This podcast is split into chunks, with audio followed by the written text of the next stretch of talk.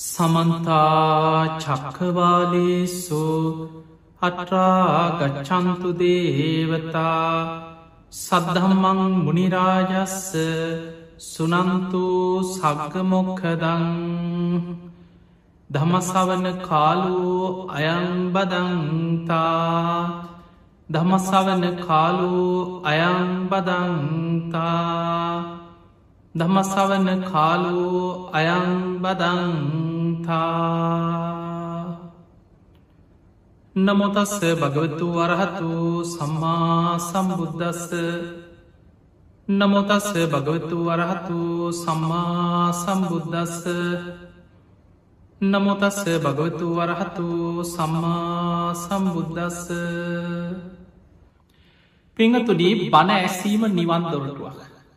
ඒ නිසා බණ අහනකොට මේ ධර්මශ්‍රවනය මට නිවන් දොරටුවක් බවට පත්වේවා කියන අධිෂ්ඨානය ඔබේ හිතේ දැඩියෝ පිහිටවාගෙන ධර්මශ්‍රවනය කරන්න. මේ බණෑසීම තුළ අපේ ජීවිතයේ ගොඩාක් අඩු පාඩු අපිට සකස් කරගන්න අවස්ථාව ලැබෙන. අපේ ජීවිතයේ සමහර එක බණපදයක් ඇත. ඔබ දන්නවා අපිට හිතාගන්න බැරි සමහර දරුණු පුද්ගලය. මේ බුද්ධ ශාසනය තුළ මහා දරුණු අපරාධකාර මිනිමරු කඩු අරගෙන ගම්මාන පිටි මිනිස්සුන්ට පන්න පන්න කොටමින් ඇගිලි කපාගෙන ගිය අංගුලිමාල වගේ මහා දරුණු අය එක බුදු වදනෙන එක බුද්ධ වචනයෙන් මුළු ජීවිතයම වෙනස්ව. මේ බුද්ධ වචනය තියෙන ආශ්චරය පිංහතුනි බුදුරජාණන් වහන්සේ දේශනා කරනවා ඒ කස්මින් බ්‍රහ්ම චරියස්මී සහස්සම් මච්චු භායිනා කිය. එක බණ පදයක එක බුදු බණ පදයක බුදුරජාණන් වහන්සේගේ එක්ක පුංචි උපක්‍රමය. බුදු කෙනෙක් බුදුවැසින් බලල හරියටම ඉලක්කෙට ලබල දෙන ඒ උපදෙස මුළු ජීවිතයම වෙනස් කරන්න පුළුවන්. හැබැයි ඒක රහතන් වහන්සේලටවත් කරන්න බෑ. අපි දන්නවා චුල්ල පන්තක හාමුදුරුව.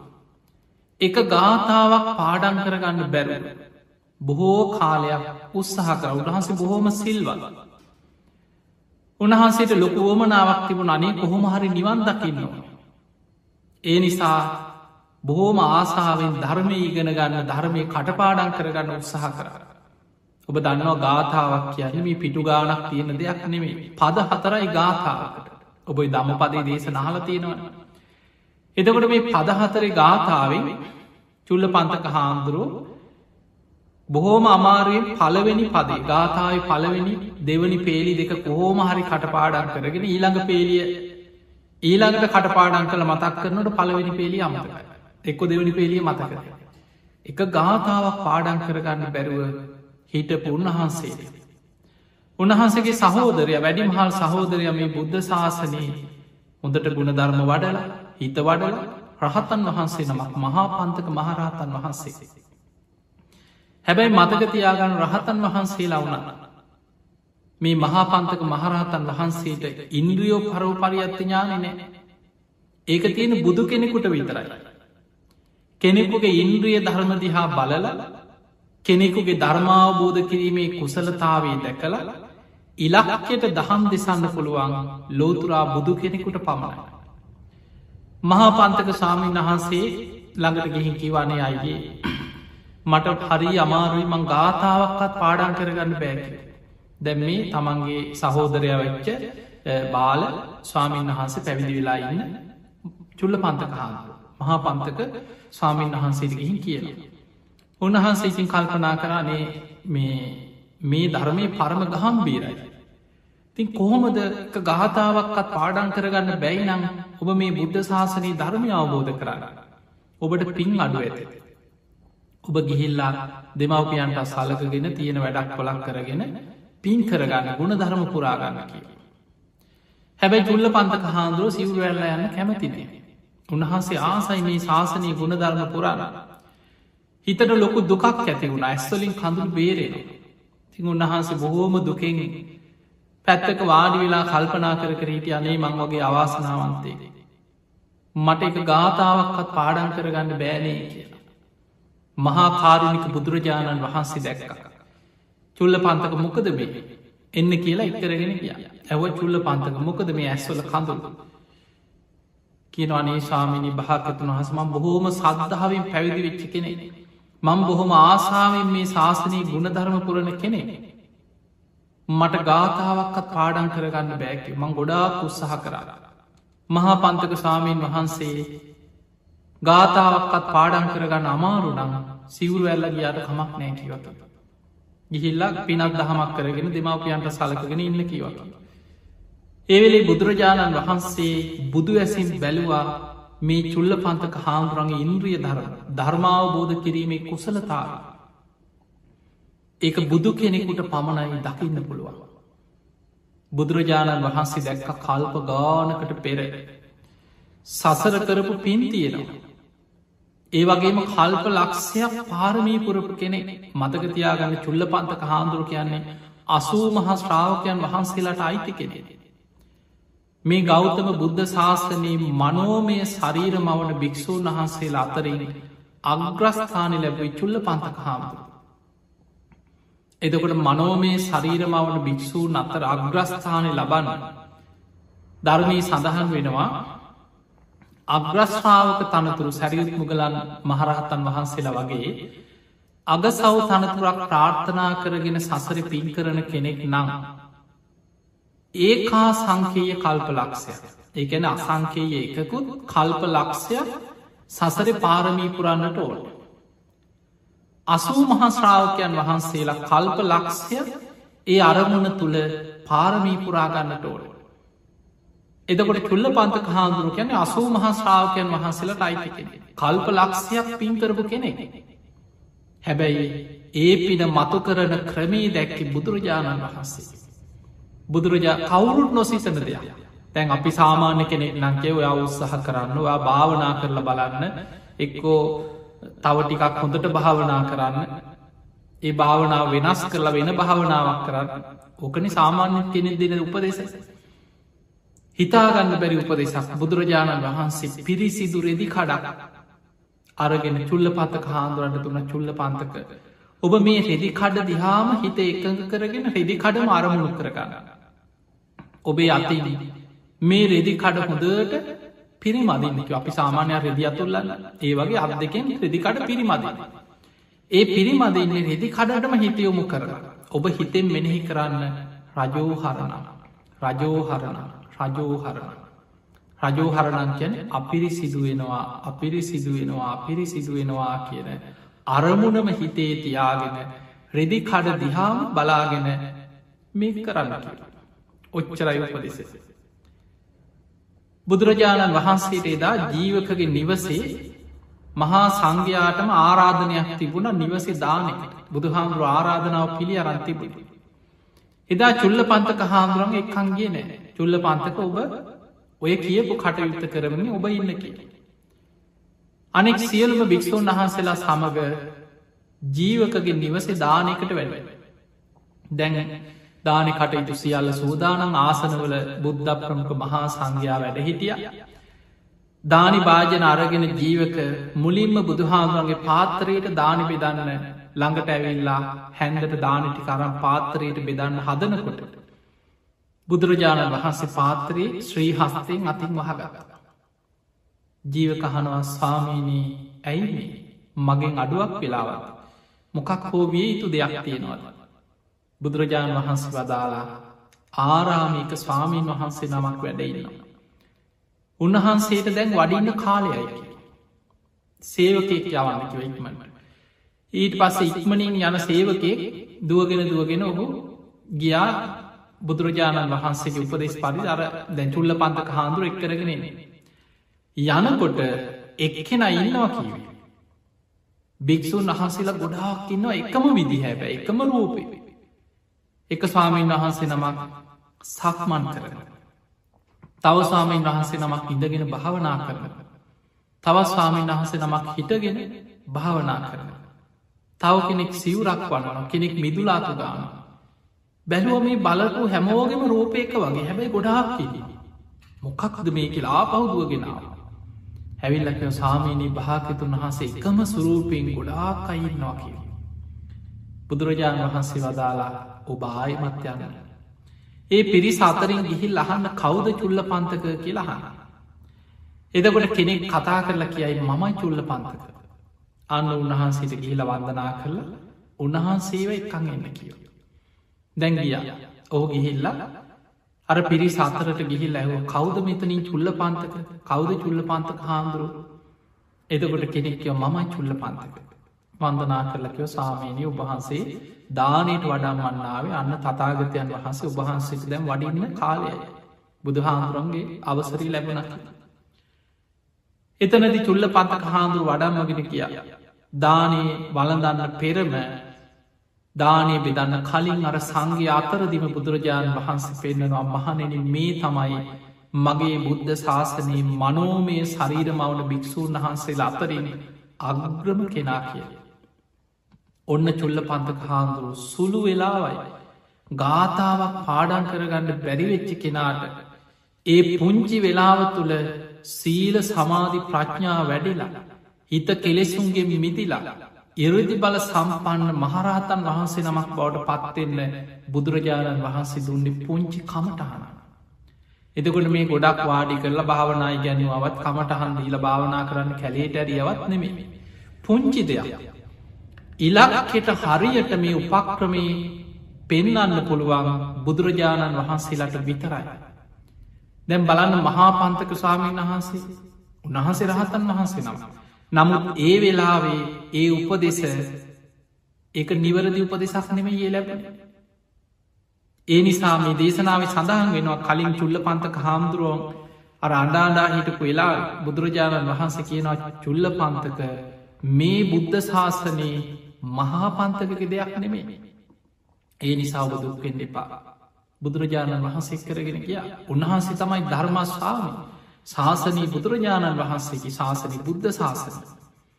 බලන්න කෙනෙකුට පින මතු කරවන්න සමහල්ලාට සංසාර පුරුද්ධ මත දැන්ව චුල්ල පන්තක හාමුදුරුගෙන අටුවාව සඳහන් වෙනවා.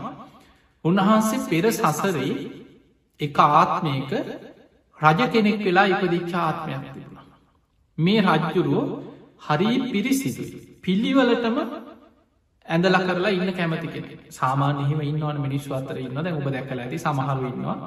ෂර්ට් එකක් ඇඳත් මේක පොඩි වෙලානම් අඳින්න සමහර වෙලාවට ඒක හෝදලත් එක පාරයන්න ඊට පස්සේ අනිවාරයෙන් හෝදන්න සමහරයිනං ඉන්න ඕක චුට්ටක් ඉම්බල බලල හරි නදාඩු මේක ඇඳගෙන යන්න ඔහි මේක මදින්න ඕ නැද කුණුද? ඕක ගානක් නෑ. ඔහි ඇන්ද?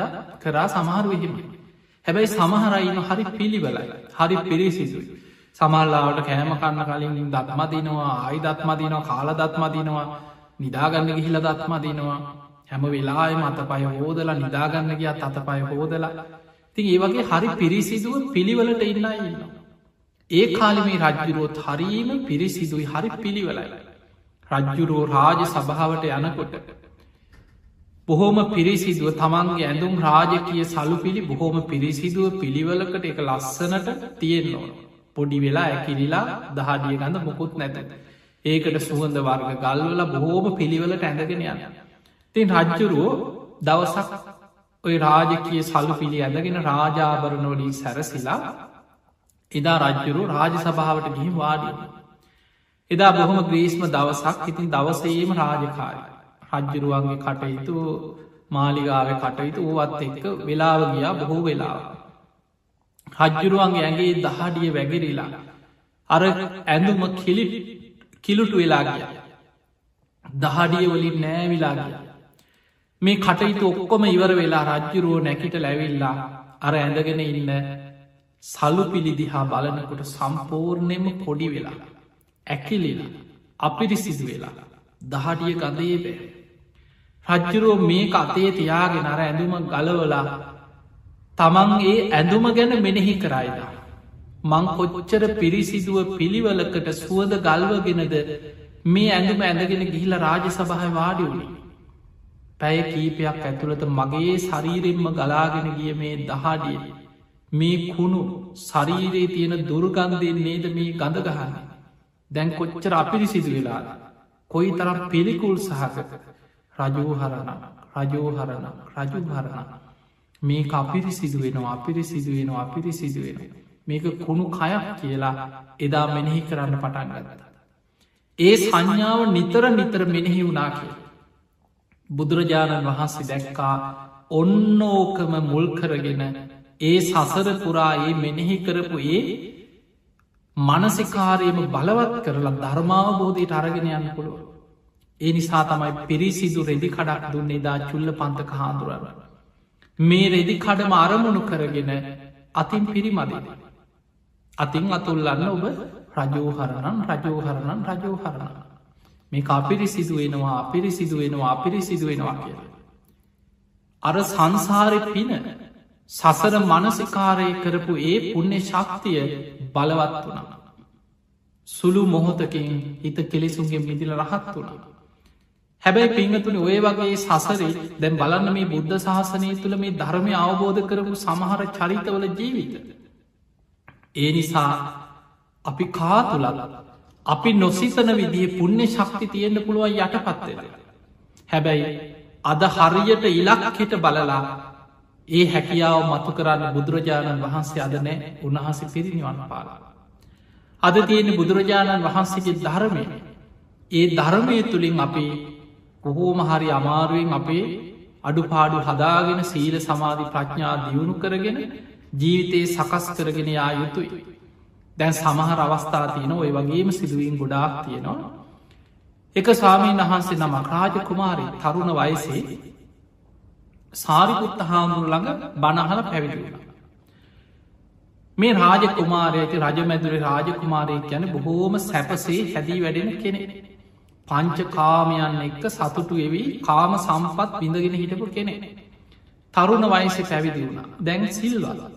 සාරිකුත්ත හාමුදුරුව උපදෙස් දෙනවා ඔබ මේ විදිහට භාවනා කරන්න. ඔබ මෙන්න මේ විදිහට භාවනා කරන්න. ඒ කියන කියන භාවනා කරනවා හිත වැඩෙත් නෑ හිතේකඟ වෙන්න හිත විසිරෙද.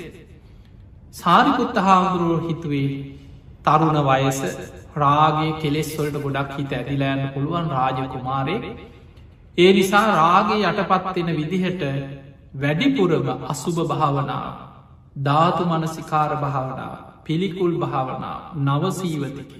ඔය වගේ පිළිකුල් පැත්තෙ භාවනා තමයි වැඩිපුරම සාරිපුත්ත හාමුදුරුව ගැන. මේ අසුභයත් එක්ක අර හාමුදුරන්ගේ හිත ගැටෙන. මොන විදිහට භාවනා කියලා දුන්නත් හිත වැඩෙන්නේ උන්වහන්සගේ සීල ප්‍රශ්නකුත් නෑ බොහොම සිල්වල. හැබැයි භාවනාව දියුණු වෙන්නේ. දැම් මේ කවුද උපදෙස් දෙද. බුද්ධ ශාසනය ධර්ම සේනාධිපති. සාරිකුත්ත හාමුදුරු වෙන කවුරුත්නවේ. බුදුරජාණන් වහන්සේගේ ධර්ම චක්‍රයේ ඒ විදිහට පවත්තන්න පුළුවන් භික්‍ෂූන් වහන්සේලා අතරින් සාරිකුත්තයන් වහන්සේ අග්‍රයි. හැබැයි සාරිකුත්ත හාමුදුරුව ඔන්න බලන්න ශාස්තෘන් වහන්සේගේ ගෞරවේ ශ්‍රාවකයකුට තිබිය යුතු. මමයි සියල්ල දන්න කියලා හිතුවෙන. ප්‍රඥාවන්තයන්ගේ අගතැම් පස් සාරිකුත්තයන් වහන්සේ හිතනවා මගේ ශාස්තෘන් වහන්ස බුදුරජාණන් වහන්සේ. උන්වහන්සේ ළඟට මේ හාමුදුරම එක්කං යන්නවන. බුදුරජාණන් වහන්සේ හරිම ක්‍රමේ උන්වහන්සේට කියලද. අපි යම් කියලාර මේ ස්වාමීන් වහන්සේවත් එක් කරගෙන සාරිකුත්ත හාන්දුරුවාව බුදුරජාණන් වහන්සේ ළඟ. ඇවිල්ල තතාගතයන් වහන්සේට වන්දනා කළ එකත් පසකින් වාඩි වෙලා කියන සාමීනි භාගතුන් වහස මේ මගේ ළඟ පැවිදි වෙච්ච රජ පවුලක රාජ කුමාරය බොහෝම වීරියෙන් ධර්මාවබෝධයට ආසකිනෙ මං මේ මේ වගේ භාවනාවල් ගොඩාක් කියල දුන්නා උන්වහන්සගේ හිත වැඩෙන්නේ භාවනා උන්වහන්සේ හරි වීරියවත්තයි භාවනා කරන්න උත්සාහ ගත්තට හිත පිහිටන්න නෑකි වරමුණ. බුදුරජාණන් වහන්සේ බුදු ඇසිම් බැලුව. සාරිපුත්ත හාමුදුර අසුබේ ගැන වැඩිපුර කියල දුන්නට. උන්වහන්සේගේ හිත ඒ අසුභ නිමිත්තත් එක ගැටෙන. පෙර සංස්හාර පුරුදු බුදු ඇසින් බැලුව පෙර සසරේ කොයි වගේ සසර පුරුද්දද තියෙන. ආත්ම ගානක් කලාකරුවෙක් නිර්මාණ ශිල්පිය රන්කරුවෙක් හැටියට ඉපදී චාත්ම ගානක් තියෙන නිර්මාණ කලාත්මක හැඟීම් කලාත්මක ලස්සන දේවල් ඒවත් එක්ක තමයි හිත පිහිට. අර අසුභයත් එක ගැටෙන බුදුරජාණන් වහන්සේ වදල සාරිපුත්ත එහෙමනම් ගෝලයව තියලැ ඔබ හවස් වෙලා එන්නක හොඳයි සාමීනය කෙල ති බුදු හාදුරන් වන්දනා කළ සාරිපුත්ත හාදුර පිටත්ව. බුදුරජාණන් වහන්සේ අර ස්වාමීන් වහන්සේට මේ ශිෂ්‍ය ස්වාමීන් වහන්සේට සාරිකුත්ත හාන්දුරග කියනවා ඔබ යන්නකිව ජේතවනය පොකුණ ළඟට. ඔච්චර. ති මේ හාමුදුරුව අවසරයි ස්වාමිනී කියල බුදු හාමුරන්ට පන්දනා කරලා ජේතවනේ පොකුණ ළඟට ගිහිල්ල අර මේ ඉවරේ වාඩි වෙලා බලාගෙන හිටිය පොකුණ දිහා. බුදු හාමුදුර මට තවට ඉතින් කතා කරන්නට තව චුට්ටකින් මට කතා කළ භාවනාවපදේ සත්දේ මට කියලදේ තවටිකකින් මට කතා කරයි කියලා හිටිය. කතා කරන පාටක් නෑ අර විල දිහා බලාගෙන ඉන්නකොට විලේ තියෙනවා ලස්සනට පිපිච්ච නෙලුම්මා මේ මල්දිහා බලාගෙන ඉන්නකොට හිත ඇදිල ගියා අර ලස්සන නෙලුම් මල්දිහා උඩට මතු වෙලා පිපිච්ච නෙලුම්මල් පිපෙන් ආසන්න නෙලුම්මල් අර සසරි කලාත්මක හිතක් තිබිච්ච කෙනාගේ හිත අර නෙලුම් මලට හිත ඇද බුදුරජාණන් වහන්සේ ගන්ධකුටියේ නම් බුදුවැසින් දැක්ක. බුදුරජාණන් වහන්සේ අධිෂ්ඨානයක් කරා ඉක්මනින්ම දවස් දෙක තුනක් කීපයක් තුළ සිද්ධ වෙන මේ මලකට අත්වෙන ඉරනම් ඒ මොහොතෙම ඉක්මනින්ම උන්වහන්සේට පේන විදිහට අධිෂ්ඨානයක් කර. අර ලස්සන්ට පිපිල තියෙන නෙලුම් මල ඒම බලාගනින් නැදි පරවෙලා ගිය. ඇකිලිලා ගිය හේම කඩාගෙන වැටුණ. කුණු වෙලාර වතුර දිය වෙලා යන. අර පිපෙන් ආසන්න මල් බලාගනින් නැති පිපෙනවා හේම කුණු වෙලා වැැක්කිරේ මේ දිහා බලාගෙනන්නකොට තේරුණා මගේ කයටත් ඔය ඉරනම්ම යත්තේ මේ ශරීරයත් ඔය වගේම. හටගෙන පැවතිලා නැති වෙලා අනිත්‍යයි. එහෙම වාඩි වෙලා පංචු පාදානස් කන්දි ගැන මෙනෙහි කරන්න පටන් ගත්තා. අර මලටත්වෙච්ච ඉරනම තමන්ගේ කයහා ගලපා බලමින් භාවනා කර සුළු මොහොතකින් කෙලෙසුන්ගේ මිදිල රහත් වුණා සාරිකුත්ත මහරහතන් වහන්සේ හවස් වෙලාවේ වඩිනකොට ගෝලය රහත් වෙලත් ඉවරයි. දැම් බලන්න සාරිකුත්ත හාමුදුරුව කාලයක් උපදෙස් දීල දීල හිතවඩන්න බැරිවුණාට. උන්වහන්සේට ඒ උපදෙසාරි කියන හැබැයි බුදුරජාණන් වහන්සේගේ පුංචි උපක්‍රමයක් අර විල ළඟට ගිහිල්ල එච්චරයි කිවී. ඔබ යන්න ජේතවනේ අර විල ළඟට. බුදුරජාණන් වහන්සේ ඒ හිත ඒ නෙලුම් විලට හිත ඇදෙනකොටම ඒ විලේ මල් කුණු වෙලා පරවෙලා යනවා බුද්ධ අධිෂ්ඨානයෙන් පේන සැලැස්ව එච්චරයි. ඒ සැනින් ධර්මාවබෝධයට හිත වැඩ බලන්න බුදු කෙනෙගේ ආශ්චාරය බුදු කෙනෙගේ හැකියා. දැන් ඒ දැන් අදටත් අපි ඔබ බලන්න අපි වඳනකොට මල් පූජ කරන ගාථාව දිහ බලන්න. පුප්පම් මිලායාති යථායිදම. කායෝ තතායාති විනාස බව. පුප්පම් මිලා යතම පිපිල තියෙන මල මි පිපිච්ච මල. මිලාන වෙලා පරවෙලා යන්නේ යම්සේ යතා ඉදම් එක යථාස භාව යම්සේ කායෝ තතායාති විනාසබ. මගේ කයත් ඒ විදිහටම විනාස වෙලා යන ස්භාවින් යුක්තයි. අපි කවදාවත් මල් පූජ කරන්න ගිහිල්ලා ඒ මල්වට්ටිය ලස්සන බැලුව මිසා මේ මල්වට්ටිය ලස්සන යනේ ලස්සට හදන්න ඕන කියල ඒ මල් සැරසිලි දිහා බල්ල සතුට වනා මිසා. ඒ මල පරවෙනවා මේ මලට අත්වෙන ඉර නම මගේ කයටත් අත්වෙනවා කියලා ඒක කයහා ගලපා බලමින් යෝනිසූ මනසිකාරයක දෙන්න අපේ හිත කැමති වෙන්න. අපි ඒ පැත්තට යොමු වෙන්න බලන බුදුරජාණන් වහන්සේ කෙනෙක්ව එක මලක් දිහා බලාගෙන ඉන්න කෙනෙක් ඒ තුළින් ධර්මාවබෝධයට පාරහදරතුොදු. ඔය වගේ ගොඩාක් සිදුවීමේ බුද්ධ ශාසනය තියෙනවා. පිංහතුනි මේ හැම දේකින්ම අපිට පේන්නේ බුදු කෙනෙකුගේ තියෙන ආශ්හද බුදු කෙනෙකුගේ තියෙන හැකියා දැම් බලන්න කේමාව බිම්බිසා රජතුමාගේ එක බිසව මේ කේමා රූපේට පුද්දුම විදිහට ආසක රැලුම් කර ඔබ දන්න බොහෝ වෙලාවට කාන්තාව තමන්ගේ රූපේට ගොඩාක් ආසා කරනු ඇලුම් කරන මේ කේමාවත්තේ වගේ තමන්ගේ රූපේට නිතර ආලේපන ගල්වනවා කෙස්වල ආලේපන ගල්වනවා ඇහි බැබ හදනවා තුල්වල නොයෙක් දේවල් ගල්වනවා ඇගේ පාටගාගන්නවා එතකොට හැම වෙලාම සාමාන්‍ය ගත්තොත් කන්නාඩි ළඟම තමයි වැඩිපුර. එතකොට මේ වගේ කේමාවත් ඒ කාලේ දැ රජ කෙනෙක්ගේ බිසවක් කියන්නේ නොඒක් විදිහට ලැබෙන වටිනා දේවල් ආභරණ ආලේපන වර්ග.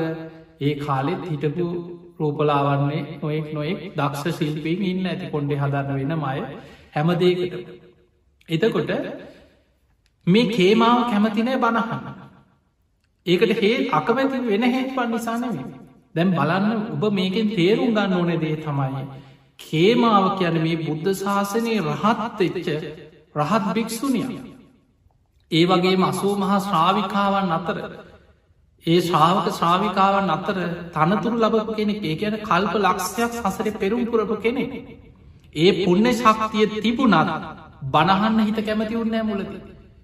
ඒ නිසා නිවන් දකින්න පින තියෙන කෙනාගේ හිත අනේ ඕන්නෑ කියලා හිතෙන්ට පුළුවන්.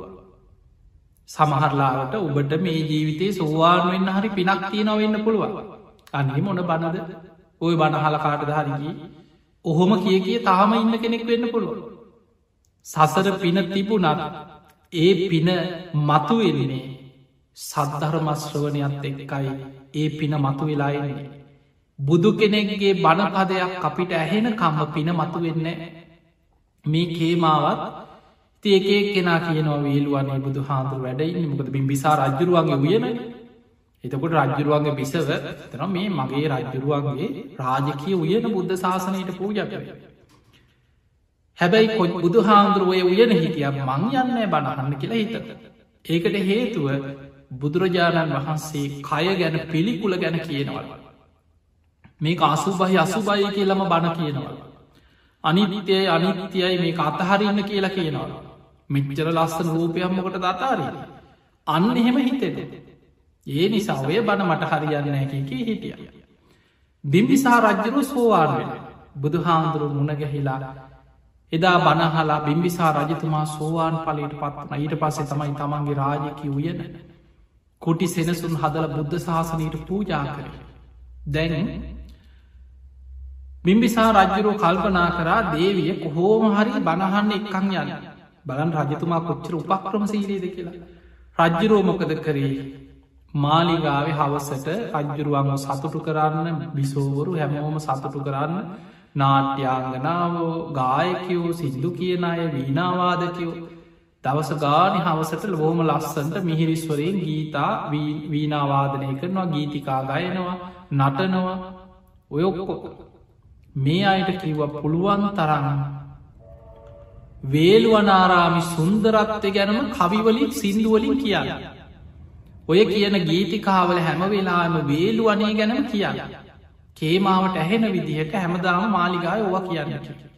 රජ්ජරුවන්ගේ අවසරේ දැන් වෙනද වගේ නෙමේ හැමදාම ලස්සන ගීතිකාවට ඇහෙන්න වේලු වනේ ලස්සනමයි.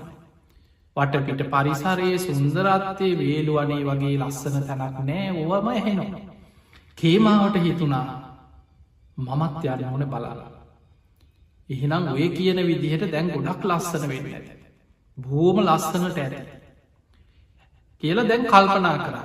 සේවිකාවපි හිතවත්ම සේවිකාවන්ට කියව අපියම් වේල් වනේ බලන්න. හැබැයි බුදු හාමුදුරු හම්බෙන්න්න නන්නෙමේ කේමාව පිටත් වනේ මං වේලු වනේ බලනවා. ඒක සුන්දරත්ව විදි නවා හැබැයි බුදු හාමුදුරන්ගනම් මං හම්බෙන්නේ මන්නන් ඔයි බඩහන්න යන්න එහෙම හිතාගෙන ගී තින් ගිහිල්ල වේලුවනයට ගියා. ඇවිදගෙන ගියා බොහොම ලස්සනට තියෙන රාජකය උයන මල් පිපිලා. බොහොම ලස්සනයි. ඔහොම යනකොට බුදුරජාණන් වහන්සේ බොහෝ පිරිසකට ඈතින් දහම් දෙස දැන් ළඟට යන්න කැමති නැති වුණත් ගොඩක් අයිතින් ඇත ඉදං හරි හොරෙන් බලනවා හැංගිලා බලඟන්නවා කේමාවත් කල්පනා කරා මම බුදුහාමුදුරුවය කොයි වගේද උන්වහන්සේගේ කොහොමද? මම මාව නොපෙනෙන්න මං කොහොමරි ඇත ඉදං අහගන්නවා කියලා හැංගිලා බලන් හිටිය. බුදුරජාණන් පොහේ හැංගිලා හිටියත් බුදු ඇසට පේනවා බුදුරජාණන් වහන්සේ දන්නවා ඔබ දන්නවා බුදුරජාණන් වහන්සේ හැම උදෑසනකම දොළොස් කෝටි ලක්ෂවාරයක් මහා කරුණා සමාපත්තියට සමවදින. ගන්ධකුටිය ඉදං දස දහසක් ලෝක දහතුවට බුදු ඇස විහිදෝරු. කවුද අද දවස ධර්මය අවබෝධ කරන පින්වන්තම කෙනා. අද දවස බුදුහාමුදුරු මුණ ගැහෙන්න්නේ කවුද. අද දවස් ධර්මය අවබෝධ කරන්න කවුද මාර්ග පල් ලබන්න කවුද. බුදුරජාණන් වහන්සේ කල්තියා ඒ අය බුදු ඇසෙස් දකින.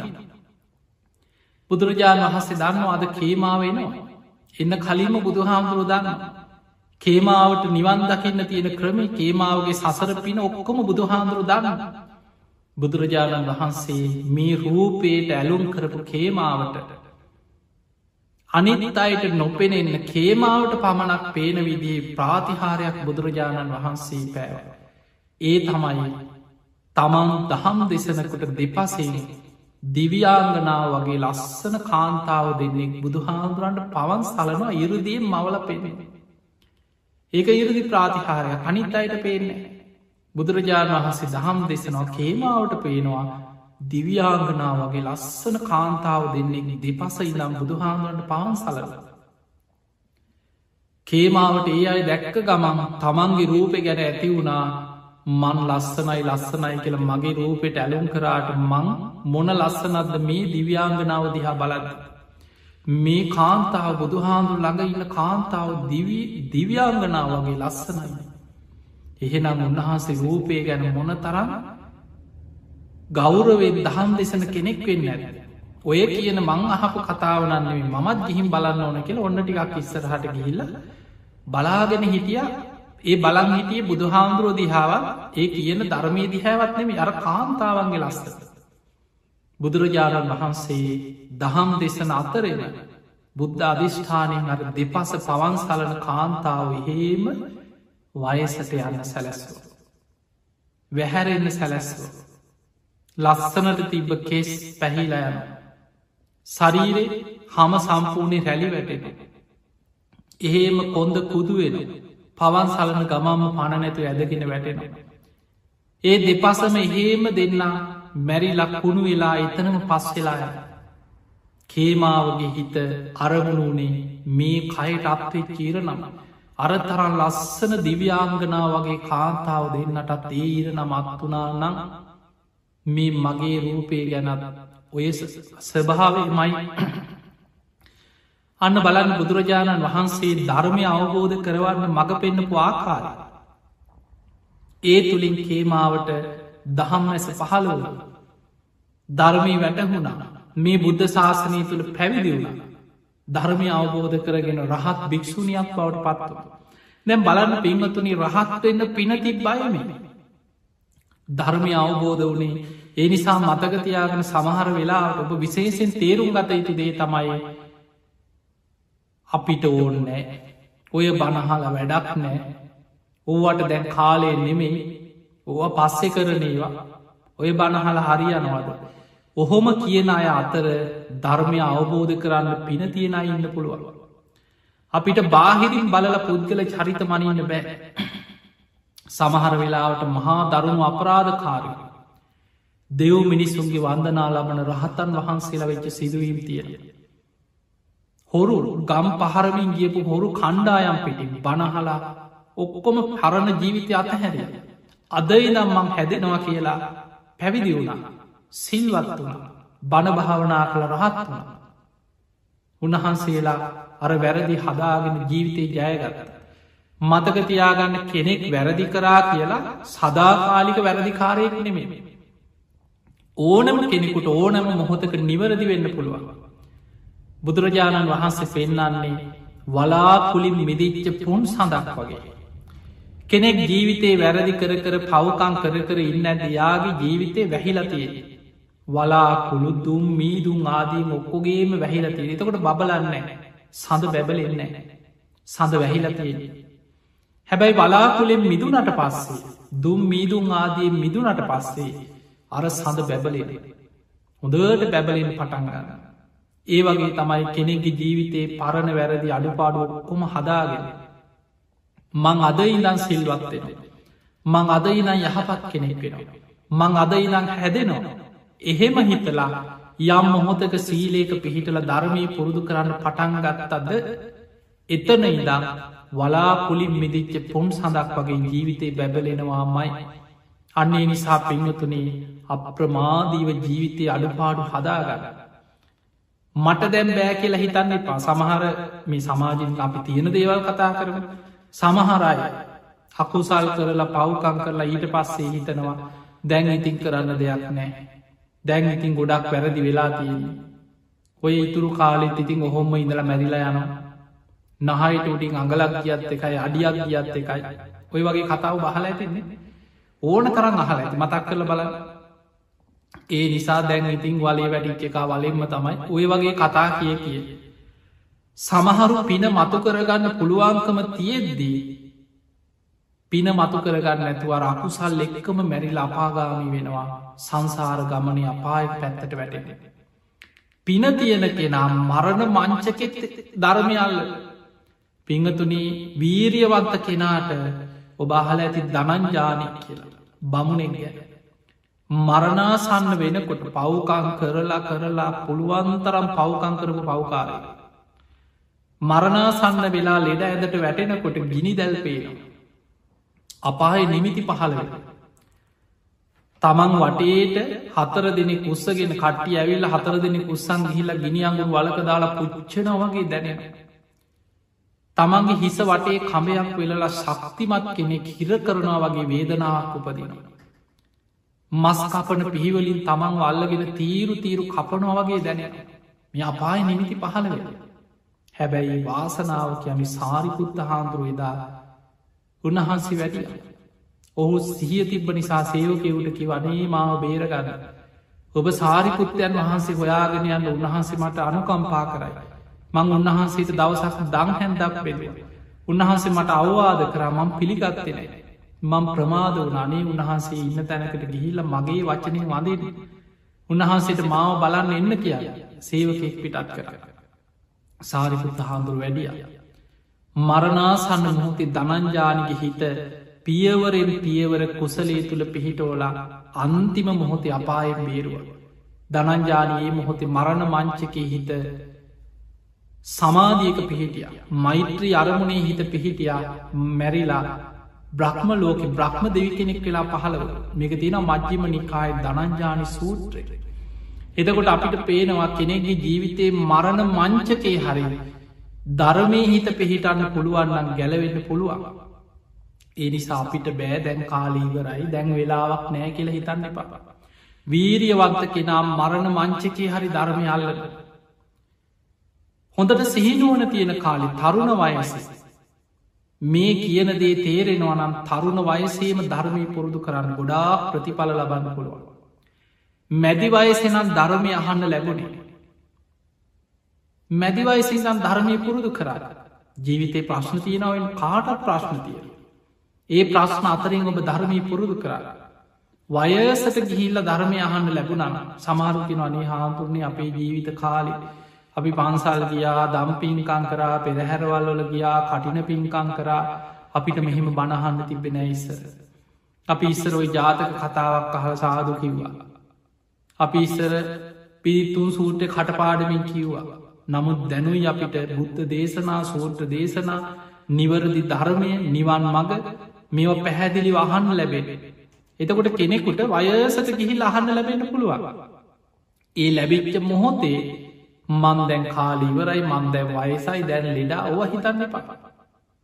ඒ වයසට ගිහිල් හරි ධර්මය ලැබුණනන් ඒ මොහොතේ ඉඳං අප්‍රමාදීවෙන.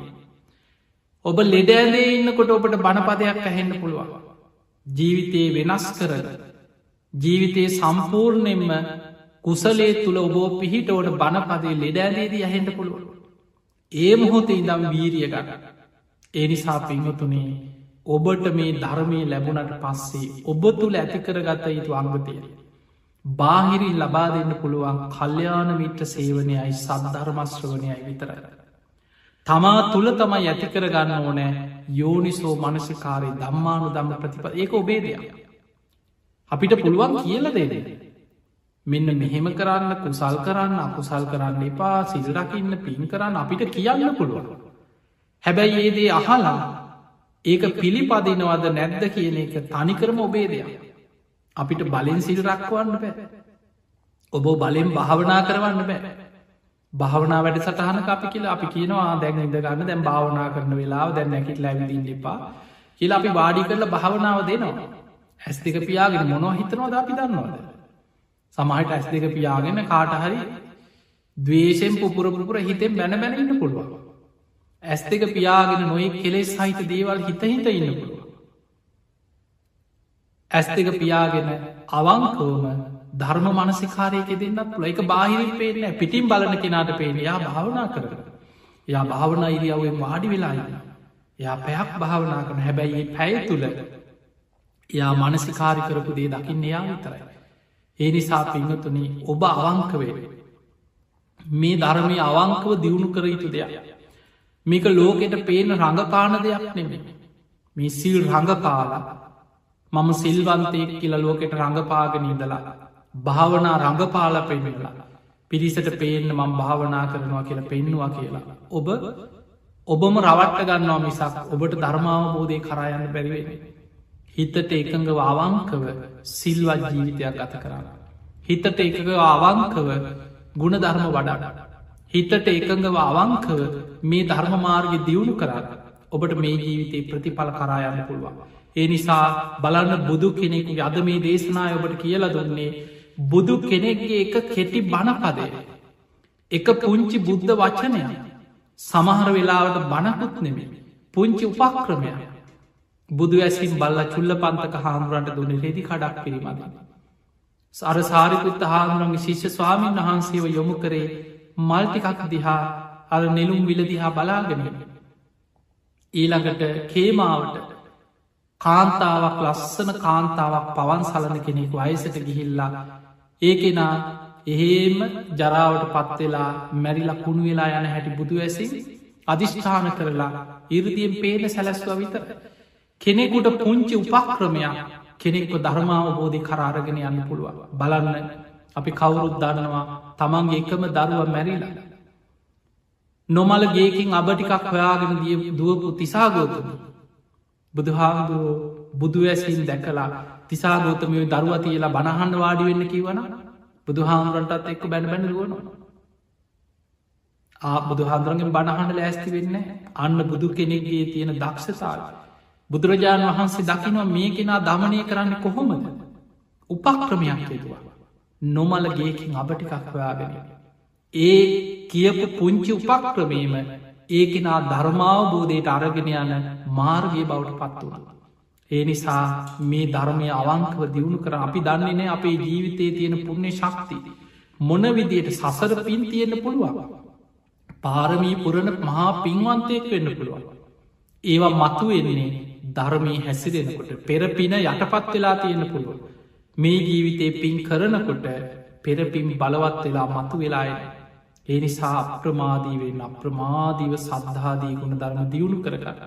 ඔබ හැම දෙනාටම අප්‍රමාදීව සද්ධාදී ගුණ ධර්ම දියුණු කරගෙන. උතුම් වූ ධර්මය මවබෝධ කරගන්න වාසනාව ලැබේවා ලැබේවා ලැබේවා කියලපි ආශිර්වාද කරන.